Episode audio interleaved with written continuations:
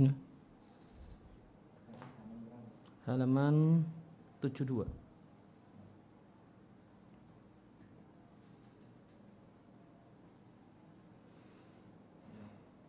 Alhamdulillah wassalatu wassalamu ala rasulillah wa ala alihi wa sahbihi wa man tabi'ahum bi ihsanin ila yaumidin amma ba'd kaum muslimin dan muslimah rahimani wa rahimakumullah kembali kita lanjutkan membaca dan mentelaah buku Syarhu Hadisi Jibril fi Ta'limuddin karya Muhaddithul Madinah Syekh Abdul Muhsin eh, Al-Abad Al-Badr Hafidhallahu ta'ala wa atala umrahu fi khairin wa ta'atin wa afiyatin. Kita sampai pada halaman 72 Eh, dua paragraf dari bawah. Kalau Al-Hafidh fil Fatah Al-Hafidh ya, Ibnu Hajar Al-Asqalani mengatakan di Fathul Bari dan diatkan oleh Lalikai dengan sanad yang sahih dari Al-Bukhari kalau Al-Bukhari bahwa Al-Bukhari mengatakan Aku menjumpai lebih dari seribu orang yang merupakan para ulama di berbagai kota maka tidaklah aku melihat satupun dari mereka yang berselisih bahasanya iman ucapan dan perbuatan. Ucapan lisan dan ucapan hati perbuatan hati dan perbuatan anggota badan. Maka konsekuensi logis dari iman itu ucapan dan perbuatan bukanlah orang yang beriman orang yang tidak punya ya, orang yang tidak punya amal badan sama sekali karena kalau kita katakan e, masih punya iman, ya maka ini bertentangan dengan e, konsep dasar iman. Bahasanya iman itu adalah ucapan dan perbuatan, wa yazid wa yang kusu, bertambah dan berkurang. Kemudian Ibnu Abi Hatim dan Nalikai atnaba berpanjang lebar finakli dalika mengutip hal itu bil asani dengan ya, dengan berbagai macam sanat dengan sanat-sanatnya ancam in kathirin minas sahabati wa tabi'in. Dari kumpulan yang sangat banyak terdiri dari para sahabat dan tabi'in wa kulliman dan semua orang yang yaduru ali al-ijma'u menjadi poros menjadi penentu adanya ijma' dan tidak. Terjemah letaknya semua orang yang ijma' itu berputar padanya ijma itu berporos padanya. Dari kalangan sahabat dan tabi'in. Semuanya mengatakan iman adalah ucapan dan perbuatan. Fudel bin Iyad dan Al dan Waqi juga me, menya, menyampaikan bahasanya pendapatnya adalah pendapat ahlu sunnah wal jamaah. Yaitu bahasanya iman itu ucapan dan perbuatan Kemudian poin yang ke-8 Alusuna wal jamaah itu pertengahan dalam menyikapi pelaku dosa besar. Tidak sebagaimana sikap murjiah di satu sisi dan tidak pula semisal dengan khawar dan mu'tazilah di sisi yang lain. Murjiah dalam masalah ini faratu mereka berlebihan. Mereka jadikan pelaku dosa besar itu mukmin yang sempurna imannya mereka katakan layadur mal imani dan bun. Jika sudah beriman maka dosa apa pun tidak ya, tidak berbahaya dan tidak membahayakannya. Kamalayan fa'umma al kufri ta'atun sebagaimana jika orang kafir tidaklah manfaat baginya semua bentuk ketaatan. Kalimat layan fa'umma al kufri ta'atun itu benar. Kalau orang itu kafir dengan kafir akbar, ketaatan apa pun tidak manfaat. Namun kalimat yang pertama la yaduru ma'al imani dan bon kalau orang itu beriman dosa apa pun tidak membahayakan dan tidak mengurangi imannya ini satu hal yang tidak benar. Sedangkan Khawar dan Mu'tazilah mereka berlebihan Dua sekte ini sepakat untuk mengeluarkan pelaku dosa besar dari iman. Kemudian mereka berbeda pendapat setelah sepakat dikeluarkan dari iman. Khawarid memberikan penilaian kalau pelaku dosa besar itu kafir Sedangkan Mu'tazilah mengatakan kalau pelaku dosa besar di dunia itu fi manjilatin baina ini tidak beriman dan tidak kafir. Namun di akhirat Khawarij dan Mu'tazilah sepakat kekalnya pelaku dosa besar dalam neraka. Sedangkan ahlu sunnah mereka melabeli al-asi pelaku maksiat bahasanya dia adalah mukmin namun tidak sempurna imannya maka mereka tidak menjadikan pelaku dosa besar mukmin yang sempurna imannya sebagaimana ini pendapat murjiah. Namun mereka juga tidak menjadikan pelaku dosa besar keluar dari iman sebagaimana akidah sesat Khawarij dan Mu'tazilah. Balqalu namun mereka mengatakan pelaku dosa besar itu beriman dengan imannya, fasik dengan dosa besarnya maka pelaku dosa besar tidak diberi, tidak dilabeli al-iman al-mutlak, iman yang sempurna, namun tidaklah dihilangkan darinya mutlak al-iman, totalnya iman atau keseluruhan iman. Nah, apa sebab kesesatan sekte-sekte yang sesat dalam masalah ini? Inna madhallatil murji'atu murji'ah itu sesat karena mereka hanya memfungsikan nas-nas janji harapan dan eh, dan ahmalu mereka ihmal tidak peduli dengan teks-teks al-wa'id berisi ancaman bagi pelaku bagi pelaku dosa. Sedangkan Khawar dan Mu'tazilah mereka tersesat karena mereka hanya memfungsikan nas-nas ancaman dan tidak mempedulikan nas-nas janji kebaikan. Uh, sedangkan ahlu sunnah Allah beri taufik ahlu sunnah untuk memegangi pendapat yang benar. Ya, mereka fungsikan nas-nas janji sekaligus ancaman ma'an sekaligus mereka tidak jadikan pelaku dosa besar sebagai orang yang sempurna imannya di sisi yang lain mereka juga tidak menjadikan pelaku dosa besar orang yang keluar dari iman di dunia. Sedangkan di akhirat urusannya terserah Allah Subhanahu wa taala. Jika Allah berkehendak Allah akan mengadab pelaku dosa besar, jika Allah berkehendak Allah maafkan.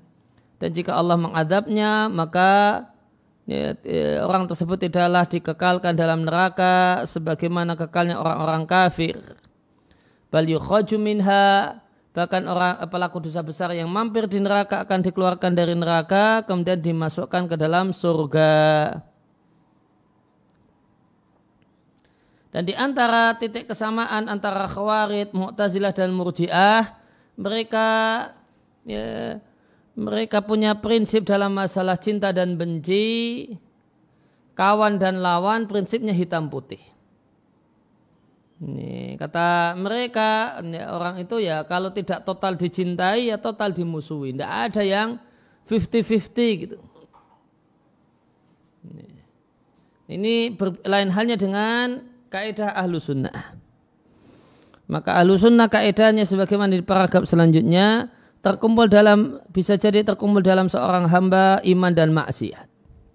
Sehingga terkumpul pada dirinya dicintai sekaligus dibenci.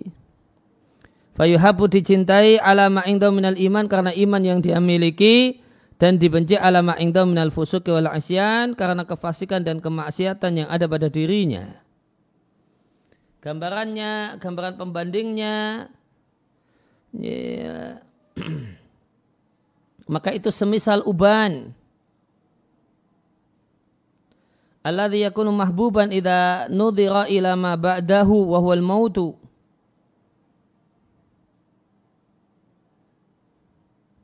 Oh, ini salah cetak ya.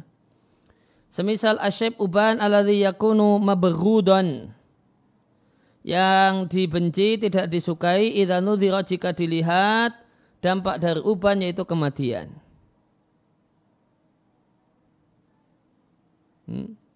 Atau dicintai jika melihat dampaknya itu kematian wa ghairu mahbubin dan tidak dicintai idza nudhira ila ma qablahu keadaan sebelumnya itu masa muda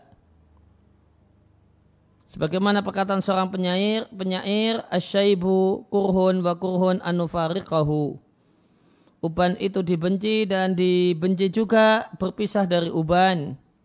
Maka heranlah dengan sesuatu alal bardai dibenci namun mahbubun dicintai. Maka alusunah ya, menilai bahasanya ada orang-orang yang total dicintai, berpihak kita berpihak kepadanya karena mencintainya dan ada orang yang total ya, ya maka ada pihak-pihak yang total ya, dicintai dan kita berpihak padanya. Itulah orang-orang yang beriman yang saleh dalam imannya. Semisal para, eh, semisal para sahabat dan para imam. Imam madhab yang empat dan yang lainnya. Kemudian ada orang-orang yang total dibenci. Dan kita sama sekali tidak berpihak padanya. Itulah orang kafir. Kemudian ada orang yang dibenci sekaligus dicintai.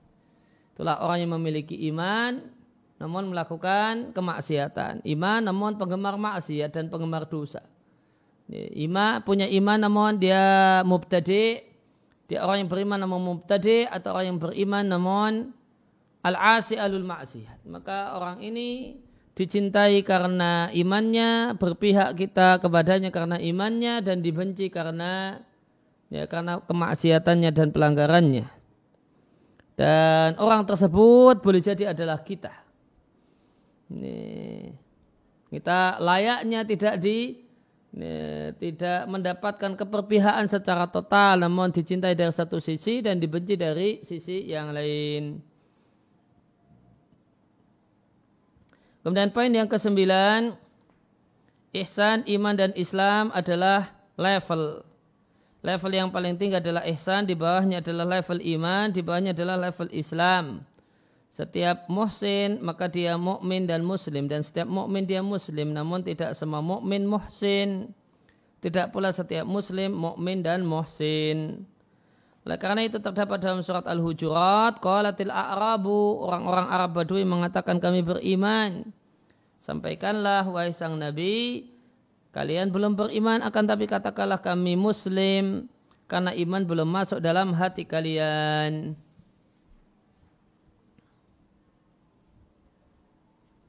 Falitafawuti fi hadid darajat karena orang itu bertingkat-tingkat dalam derajat Islam, iman dan ihsan. Fa'ina istasna maka dibolehkan kata-kata insya Allah fil iman untuk iman. Boleh mengatakan mukmin insya Allah atau insya Allah mukmin. Demikian menurut ahlu sunnah. Maka jika disampaikan pada seseorang e, pertanyaan apakah anda seorang mukmin, maka boleh mengatakan insya Allah atau aku berharap. Ini, maka ini satu hal yang diperbolehkan. Karena menyebutkan iman atau mukmin tanpa pengecualian itu memuji diri sendiri.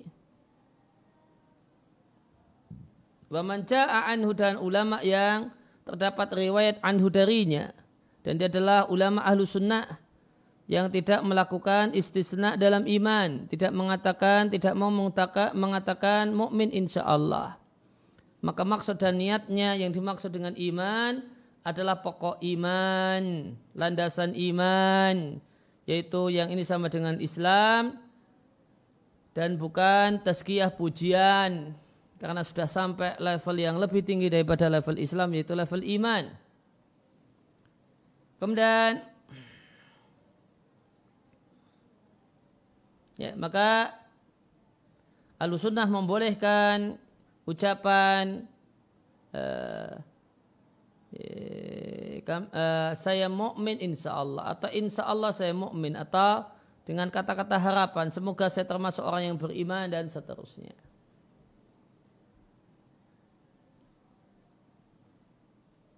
Lain halnya dengan Murji'ah mereka mengatakan bahasanya alusuna adalah syakkakin. Orang-orang yang ragu-ragu karena mengucapkan insya Allah dalam iman.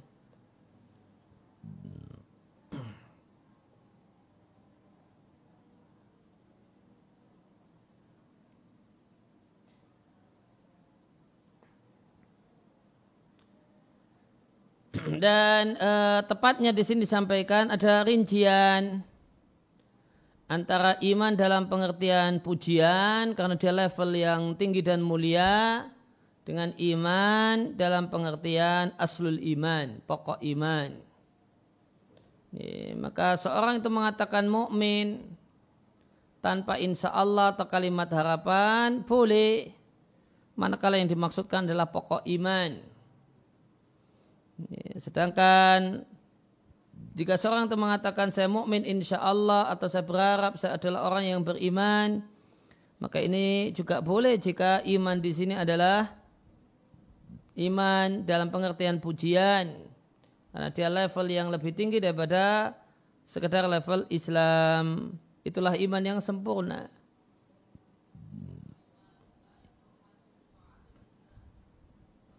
Kemudian poin yang ke-10 Sabda Nabi Shallallahu Alaihi Wasallam ketika menjelaskan definisi ihsan, engkau menyembah Allah seakan-akan kau melihatnya. Jika engkau tidak melihatnya, fa inna maka sungguh Allah dia Allah ya raka melihatmu. Wal makna artinya engkau menyembah Allah seakan-akan engkau berdiri di hadapan Allah, engkau melihat Allah. Waman kana kadalik dan siapa yang demikian, maka dia akan melakukan ibadah alat tamami wal kamal secara sempurna dan sempurna. Wa ilam yakun ala hadhil hali jika seorang itu tidak berada dalam kondisi semacam ini, maka dia berkewajiban untuk merasa bahasanya Allah melihat dirinya layak fa'alihi minhu khafiyatun dan tidak ada yang tidak Allah ketahui. Dan adalah dia takut Allah melihatnya melakukan hal-hal yang Allah larang.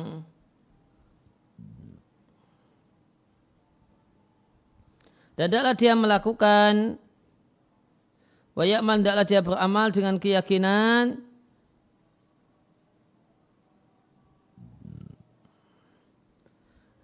Ayarahu bahasanya Allah melihatnya dalam perkara-perkara ya, Allah melihatnya beramal dalam perkara-perkara yang Allah perintahkan.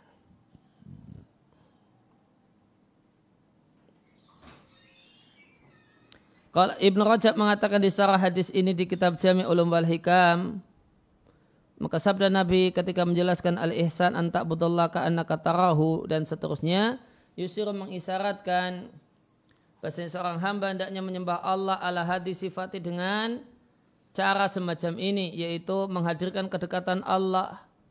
Dan bahasanya dia di hadapan Allah seakan-akan dia melihat Allah. Demikian juga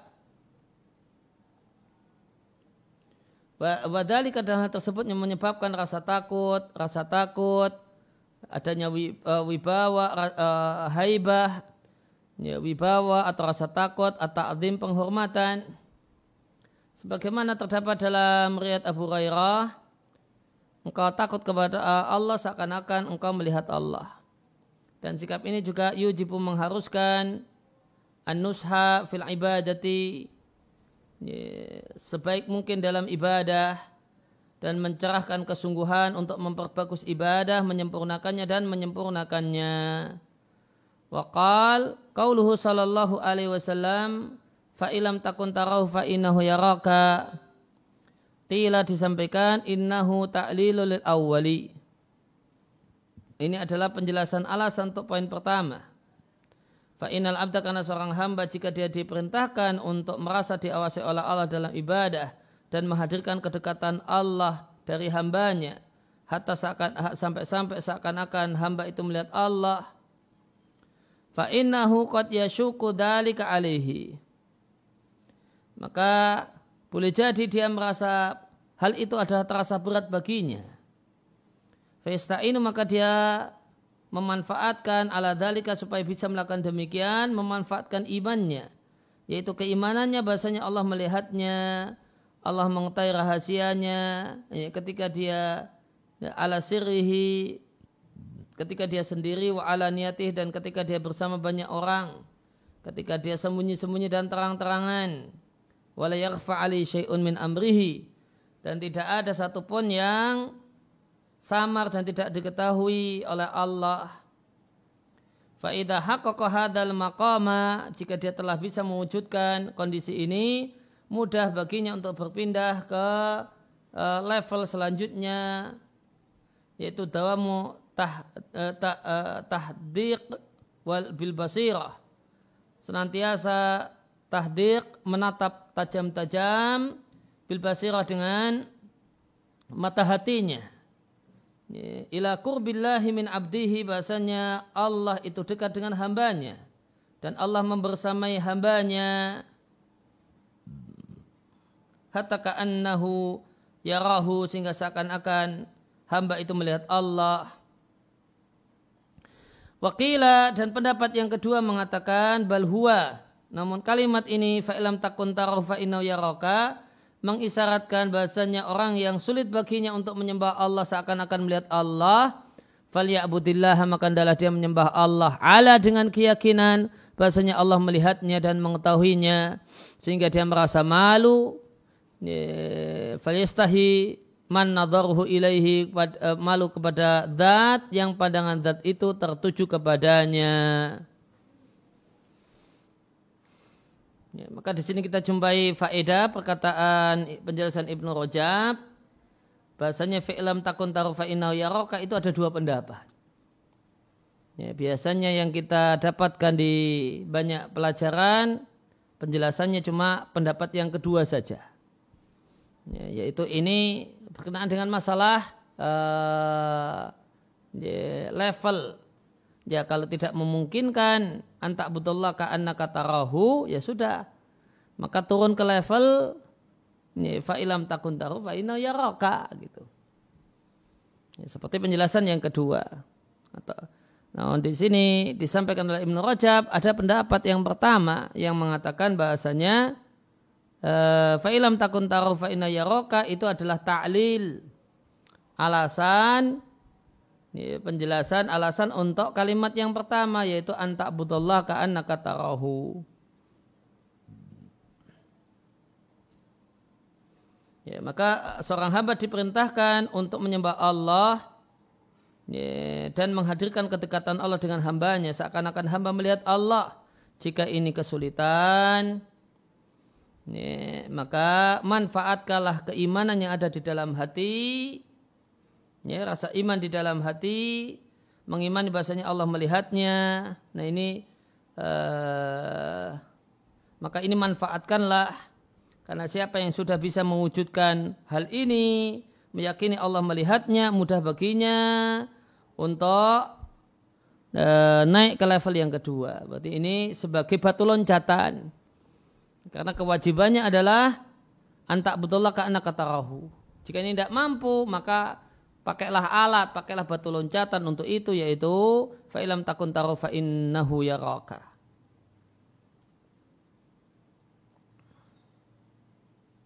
Dan kemudian sebelumnya tadi kita jampai faedah bahasanya antak butolaka anaka tarahu, tarahu itu punya redaksi yang lain. Yaitu riwayat Abu Rairah antak sallaha ka annaka tarahu. Engkau punya rasa takut kepada Allah seakan-akan engkau melihat Allah. Ya, lanjut di, di halaman 75 Wakal Ibnu Rajab mengatakan terdapat banyak hadis yang sahih menganjurkan berisi anjuran untuk menghadirkan kedekatan ini saat beribadah.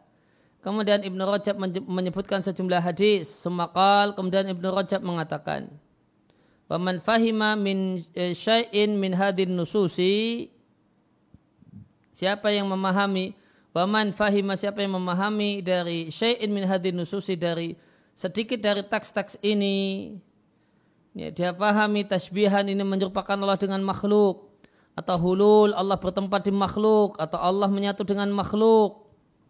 Fa nama utia min jahlihi. Maka ini terjadi karena kebodohannya dan jeleknya pemahamannya tentang Allah dan Rasulnya dan Allah serta Rasulnya berlepas diri bersih dari itu semua. Maksudnya Allah dat yang tidak ada satupun yang serupa dengannya bahwa sami'ul basir dan dia maha mendengar lagi maha melihat. Maka hadis-hadis tentang menghadirkan kedekatan kedekatan hamba kepada Allah itu sama sekali tidaklah bermakna tasbih menyerupakan Allah dengan makhluk atau menunjukkan bahasanya Allah bisa atau hamba bisa menyatu dengan Allah Subhanahu wa taala. Ya, kemudian bagian yang terakhir dari hadis Jibril. Ya, maka Jibril bertanya, "Fa'akhbirni anisa'ah, kabarkan kepadaku tentang kiamat." Jawaban Nabi tidaklah yang ditanya tentang kiamat lebih tahu dibandingkan yang bertanya.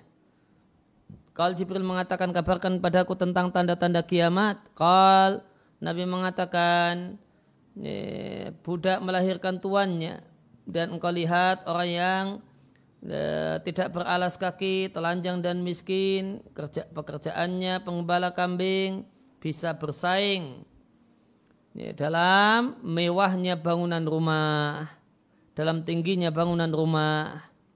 Sumantolaka kemudian orang tersebut pergi.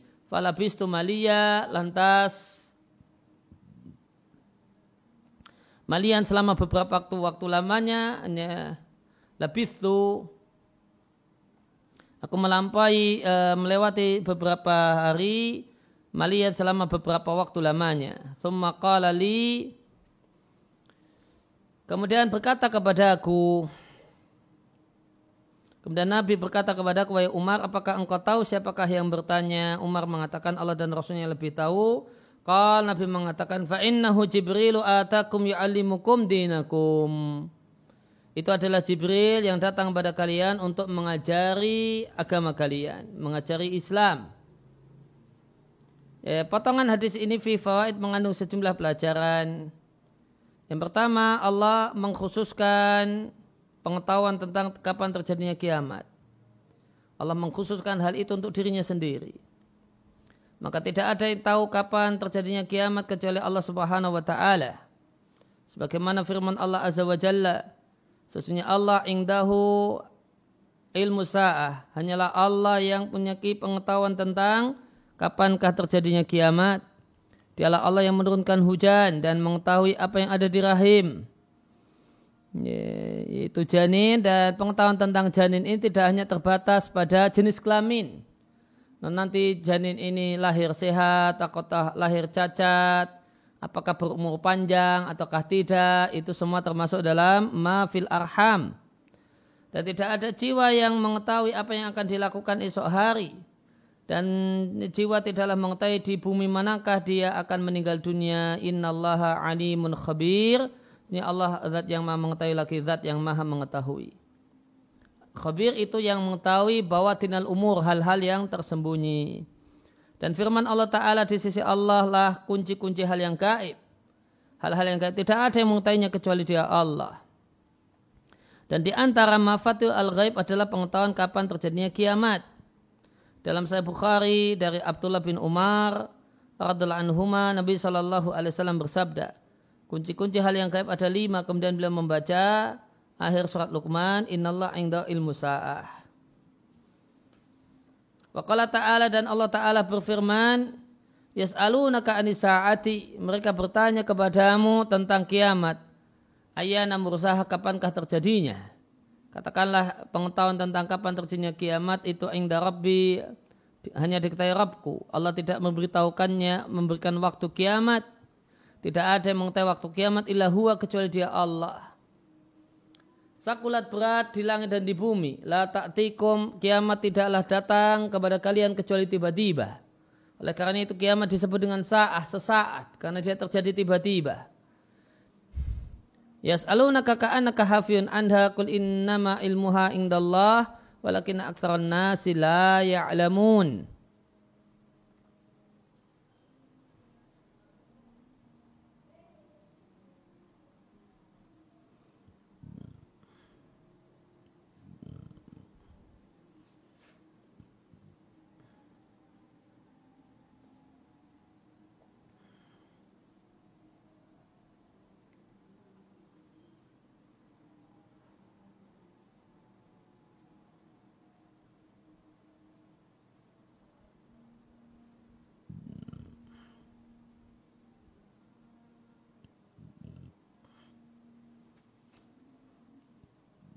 Ya, surat Al-A'raf 187.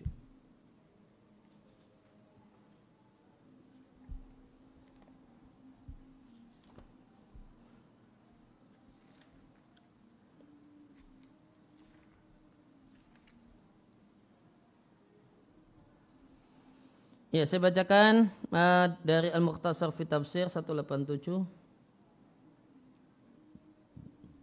Mereka bertanya, mereka orang-orang yang mendustakan bertanya kepadamu tentang kiamat. Ai, uh, artinya waktu terjadinya kiamat. Istakir al ilmu biha dan ada pengetahuan tentangnya. Uh, sampaikan wahai Muhammad, laisa ilmuha pengetahuan kiamat, laisa indi tidak ada padaku tidak pada yang lainnya. Pengetahuannya itu hanya hanya pada Allah semata. Allah tidaklah menampakkan waktunya yang telah ditetapkan untuk terjadi kiamat kecuali untuk Allah sendiri. Sedangkan kapankah terjadinya kiamat itu tidak diketahui oleh penduduk langit dan bumi. Dan kiamat tidaklah datang pada kalian kecuali tiba-tiba. Mereka bertanya kepadamu tentang kiamat ka'annaka harisun alal ilmi biha. Hmm. Hafiyun dimaknai antusias. Mereka bertanya kepadamu tentang kiamat seakan-akan engkau adalah seorang yang antusias untuk mengetahuinya. Bahwa alimu mereka tidak tahu bahasanya engkau tidaklah pernah bertanya tentang kiamat karena engkau punya ilmu yang sempurna tentang Rabbmu.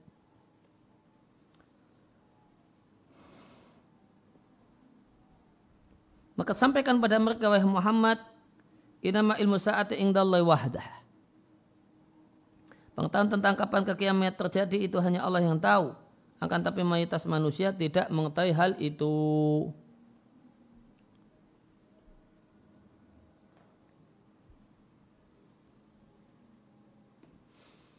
Nah, kemudian wajah ada terdapat fisuna dalam hadis bahasanya kiamat akan terjadi pada hari, Jum hari Jumat.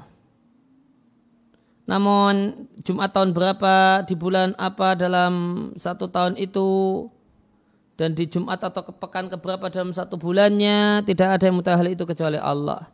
Dan saya Muslim dari Abu Hurairah radhiallahu anhu Nabi Shallallahu alaihi wasallam bersabda, sebaik-baik hari di mana matahari masih terbit di hari tersebut adalah hari Jumat.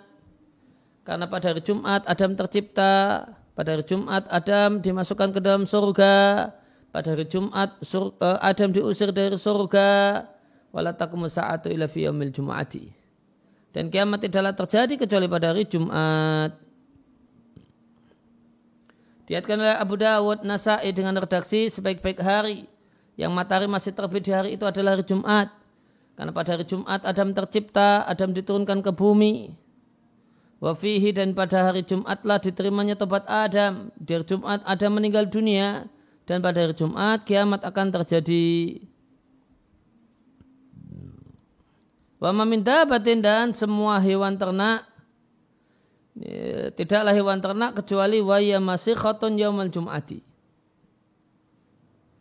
Kecuali mereka masih khah pada hari Jumat sejak eh, pagi tiba yaitu terbit fajar sampai terbitnya matahari karena takut dengan kiamat kecuali jin dan manusia.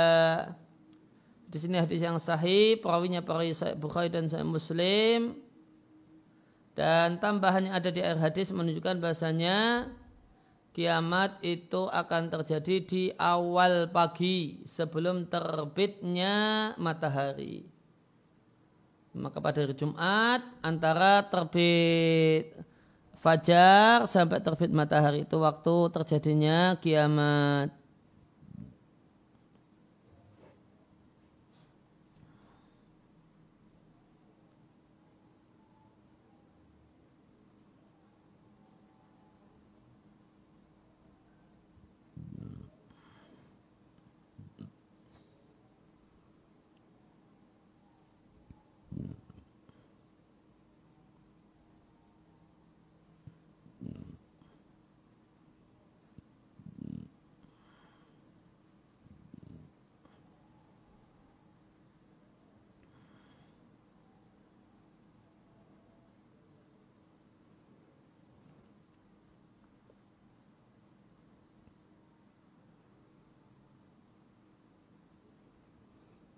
ya, masih khoton di antara makna yang mungkin adalah eh, la malahatalahu ya tidak ada keceriaan ya tidak ada keceriaan pada pagi hari, hari di awal-awal pagi hari Jumat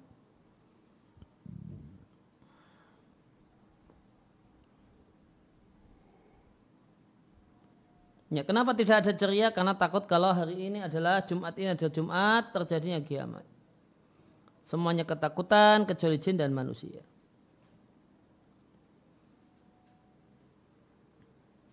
Nah kemudian selanjutnya tutlaq sa'ah. Kata-kata asa'ah digunakan terkadang yuradu biha makna yang diinginkan adalah kematian. Yang terjadi saat tiupan sangkakala atau tiupan trompet. Sebagaimana sabda Nabi Shallallahu Alaihi Wasallam kiamat tidaklah terjadi kecuali yang menjumpainya adalah manusia-manusia yang rusak, manusia-manusia yang jahat, yang buruk, diatkan oleh Muslim. Dan semua orang yang meninggal dunia kebelah dalika sebelum ditiupnya trompet, maka dia telah menjumpai sa'ah dan kiamatnya dan dia berpindah dari tempat amal ila daril jaza menuju tempat balasan. Kemudian yang kedua, ya, maka asaaf artinya al-maut, ya, kematian saat tiupan trompet. Waktu telak dan digunakan kata-kata saat dan maknanya adalah al-ba'as, bangkit dari kubur. Sebagaimana firman Allah Azza wa Jalla di surat Ali Imran, neraka itu disodorkan padanya pagi dan sore itu setiap saat dan pada saat terjadinya kiamat masukkanlah keluarga Fir'aun dalam siksaan yang paling keras. Dan orang-orang kafir berkata, kiamat tidak akan mendatangi kami. Katakanlah, bala warabi demi Robku, sungguh kiamat akan mendatangi kalian. Wahum maka mereka inama hanyalah mereka mengkari ba'as sebagaimana eh, firman Allah Azza wa Jalla Za'amal ladina kafar orang-orang kafir beranggapan kalau mereka tidak akan dibangkitkan bala kul sampai kalah bala betul wa rabbi demi Rabbku sungguh akan dibangkitkan semua kemudian akan dikabarkan semua yang kalian lakukan wadzalika 'alallahi yasir dan itu satu hal yang mudah bagi Allah Subhanahu wa taala. Ya, sebelum kita lanjutkan break, kita break dua menit.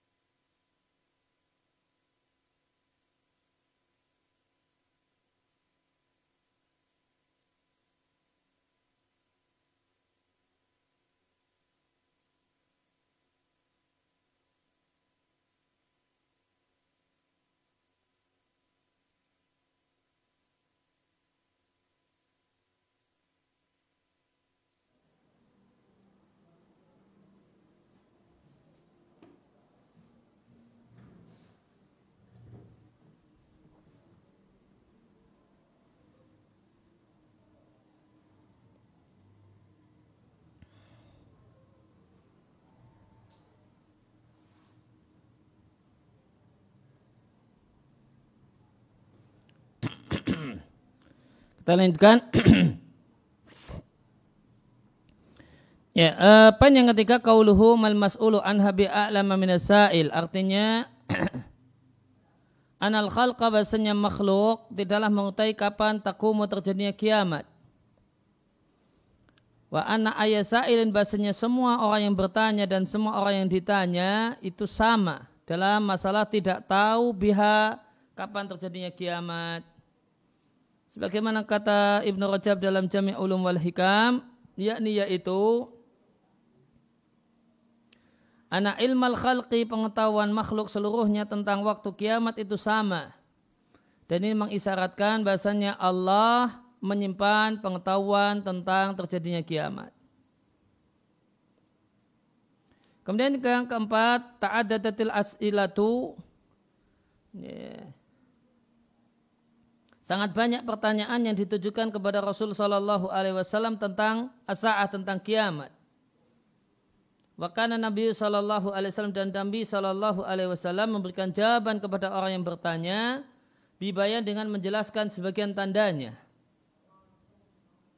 atau membelokkan pandangan si penanya ilama untuk menanyakan dan memikirkan sesuatu yang lebih penting daripada pertanyaannya.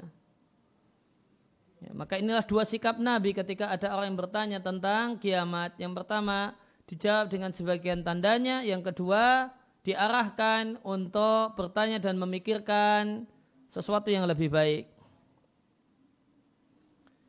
E, model yang pertama kita jumpai hadis Abu Hurairah dalam Sahih Bukhari ada seorang Arab Badui bertanya pada Nabi Shallallahu Alaihi Wasallam dan dengan mengatakan kapankah kiamat? Fakal maka Nabi mengatakan jika amanah sudah ditelantarkan maka itu tanda dekatnya kiamat maka tunggulah kiamat. Ya, jenis yang kedua dalam Sahih Bukhari dan Sahih Muslim dari Nabi Wasallam ada seorang yang bertanya kepada Nabi Wasallam tentang kiamat. Fakal uh, dia bertanya kapankah kiamat? Maka Nabi menjawab dengan balik bertanya, "Mada a'datta laha?" Apa yang telah engkau siapkan untuk itu? Qal jawabannya, "La syai'a tidak ada." Kecuali aku mencintai Allah dan Rasulnya. Fakal, maka Nabi katakan engkau akan bersama dengan orang yang kau cintai.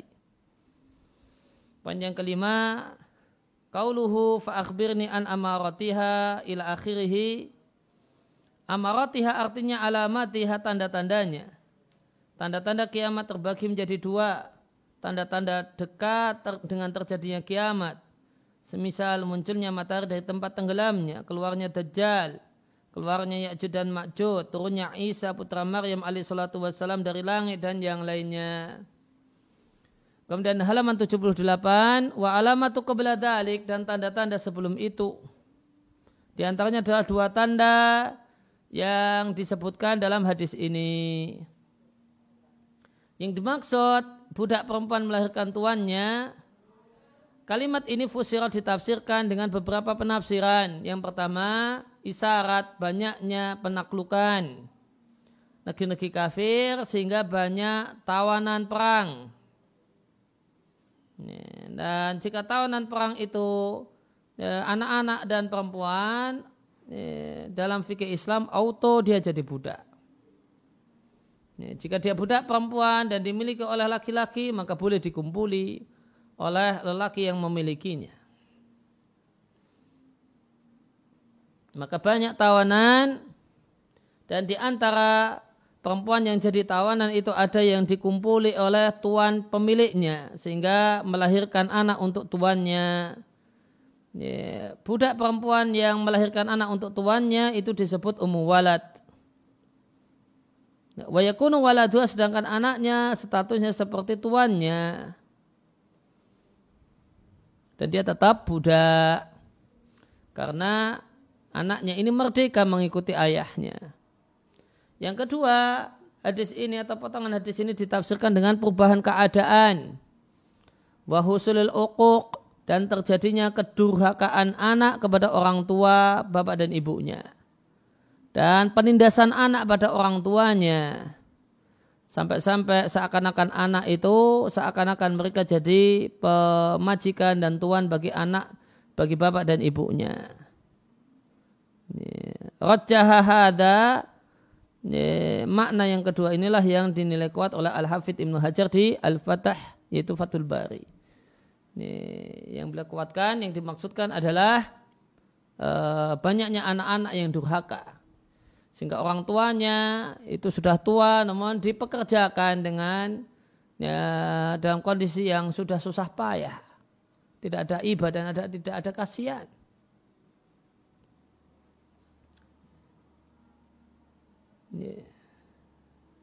Ya ibunya lah yang diminta untuk jadi pembantu rumah tangga bersih-bersih ini dan itu sekaligus babysitter untuk momong anak dan seterusnya. Kemudian makna kaulihi wa antaral hufatal uratal ala tari'a asya'i yatatawaluna fil bunyan. Maknanya adalah orang-orang yang fakir, yang ngembala kambing, tidak menjumpai pakaian yang mereka bisa gunakan. Ini, itu keadaannya dahulu, kemudian berubahlah keadaan. Wa yang takiluna mereka berpindah, tinggal di kota, kemudian yatatawaluna, bersaing tinggi-tinggian bangunan. Wahatani alamatani dan dua tanda ini kot ada dua-duanya telah terjadi perubahan kondisi sosial dan ekonomi sehingga orang yang semula miskin tinggal di pelosok ya, tiba-tiba karena perubahan ekonomi dan sosial tinggal di kota kaya raya mereka jadi orang-orang kaya baru dan mereka bisa bersaing dengan orang-orang kaya lama dalam tingginya bangunan rumahnya. Yang keenam, sumantala kafalabis tumaliya, summa qala Umar atadri manisail, qultu Allah wa Rasulullah a'lam, qal fa innahu Jibrilu atakum ya'allimukum dinakum. Yang dimaksud dengan malia, kenapa?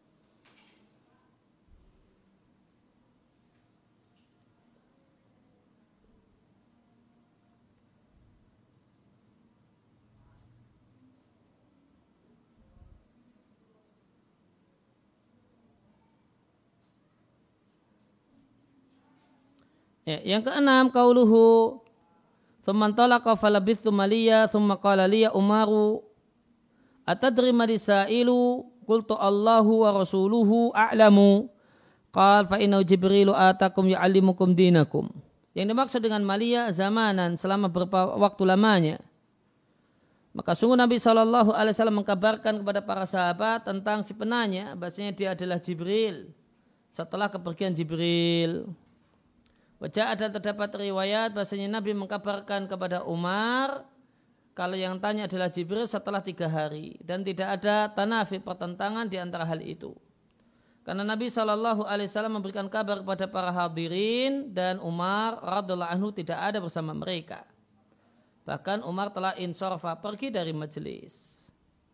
Watafakoh dan bertepatan itifak ini di sini kebetulan dan bertepatan lahu bagi Umar dia berjumpa Nabi dengan Nabi Shallallahu Alaihi Wasallam setelah tiga hari.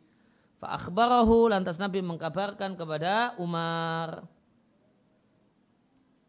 Ya, lantas Nabi mengkabarkan kepada Umar.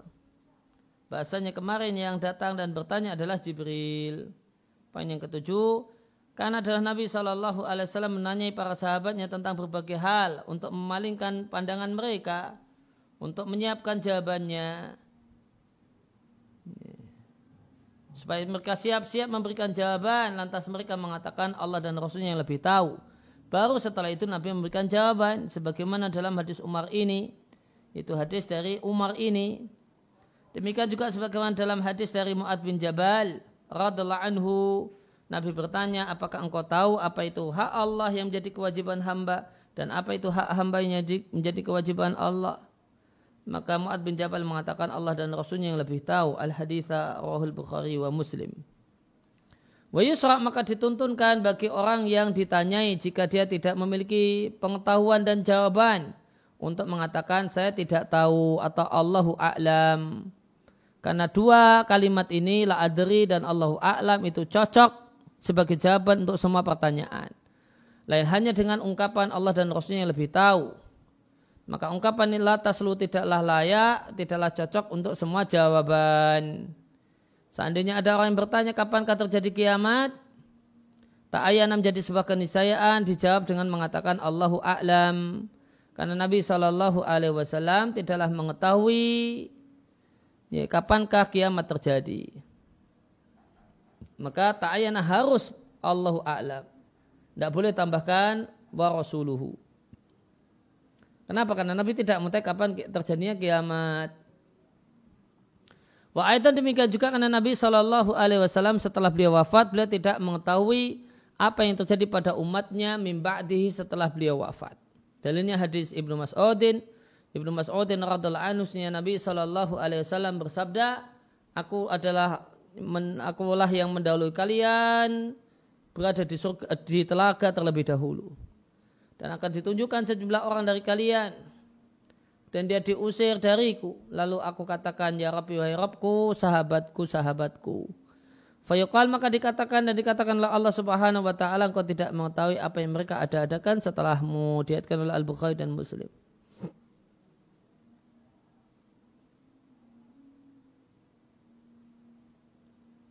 Wal murad dengan dan yang dimaksud dengan ashabi ya Rabbi ashabi yang diisyaratkan ya, dalam hadis di atas adalah orang-orang yang murtad setelah wafatnya Nabi Shallallahu Alaihi Wasallam lantas mereka terbunuh di tangan para tentara yang dikirimkan oleh Abu Bakar radhiallahu anhu untuk memerangi orang-orang yang murtad.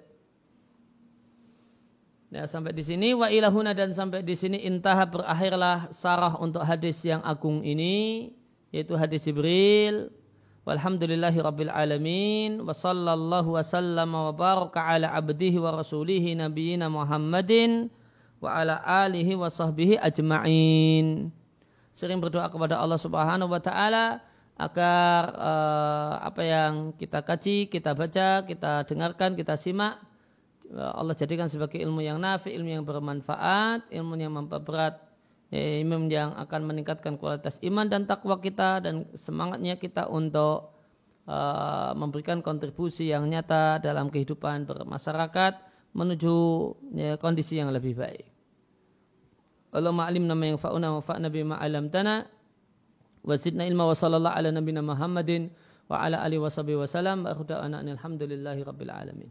Ada pertanyaan? Ya.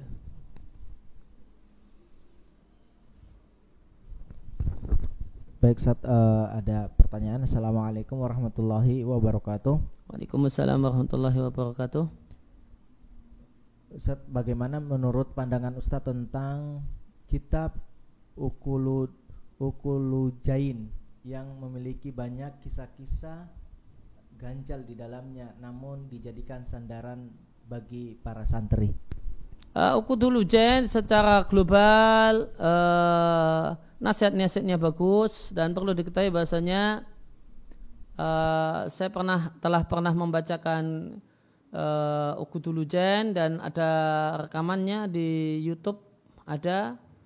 Dan ada di bisa dicek di www.jogjamangaji.com versi videonya ada di channel Musola Al, Al Ikhlas uh, yeah ya musola al ikhlas ini sendowo. Ini ada kajian ukudulu jen ya, silakan uh, bisa disimak sebagai pembanding dan mungkin bisa diambil manfaatnya. Demikian subhanakallahumma bihamdika asyhadu an la ilaha illa anta astaghfiruka wa atubu ilaik